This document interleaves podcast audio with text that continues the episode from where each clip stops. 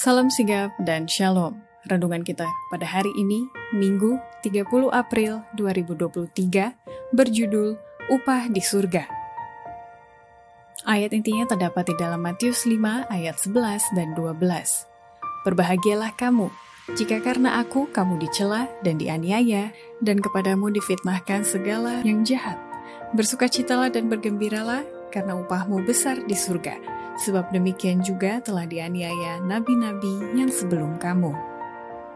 Pena Inspirasi menuliskan yang dimaksud dengan judul renungan kita pagi ini, Upah di Surga, adalah sebuah panggilan kehidupan yang praktis agar kita bisa senantiasa bersuka cita melewati kesukaran sebagai faktor yang menunjang kebahagiaan sejati dan sarana untuk memulihkan hubungan kita secara vertikal kepada Tuhan dan horizontal dengan sesama sebagai berikut.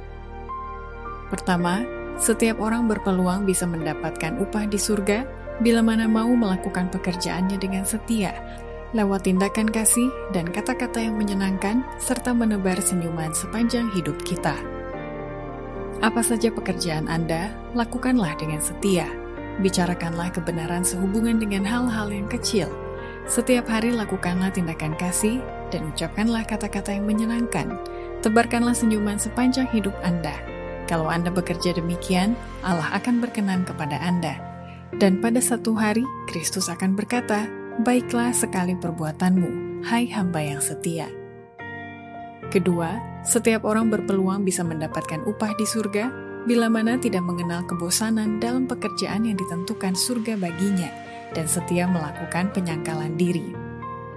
Pekerja Kristen tidak mengenal kebosanan dalam pekerjaan yang ditentukan surga baginya, orang itu memasuki kebahagiaan Tuhannya dengan melihat jiwa-jiwa melepaskan diri dari perbudakan dosa, dan kebahagiaan ini memberi upah padanya atas setiap penyangkalan diri. Ketiga, setiap orang berpeluang bisa mendapatkan upah di surga bila mana ada kesungguh-sungguhan dan kesabaran dalam melakukan kebaikan yang dicatat oleh surga. Setiap upaya kebaikan yang dilakukan dengan sungguh-sungguh dan dengan sabar namun barangkali kita tidak diperbolehkan melihat hasilnya. Bisa jadi bagi kita yang berbuat kebaikan, mungkin saja upaya itu nampaknya sia-sia. Tetapi jangan lupa bahwa Yesus Juru Selamat kita mencatat usaha kebaikan itu di catatan di surga, dan upahnya itu tak mungkin kosong. Keempat, setiap orang berpeluang bisa mendapatkan upah di surga bila mana penghargai setiap tindakan kemurahan, kebajikan, dan memberikan perhatian yang khusus bagi orang-orang yang nasibnya kurang beruntung atau malang. Kristus sangat menghargai setiap tindakan kemurahan, kebajikan, dan perhatian yang khusus bagi yang malang, yang buta, yang timpang, yang sakit, janda, anak yatim piatu, yang tindakan seperti itu diperhitungkan dilakukan kepada dirinya. Dan catatan upaya ini disimpan dalam buku surga yang kemudian akan diberi upah Demikianlah renungan kita pada hari ini. Kiranya Tuhan memberkati kita semua.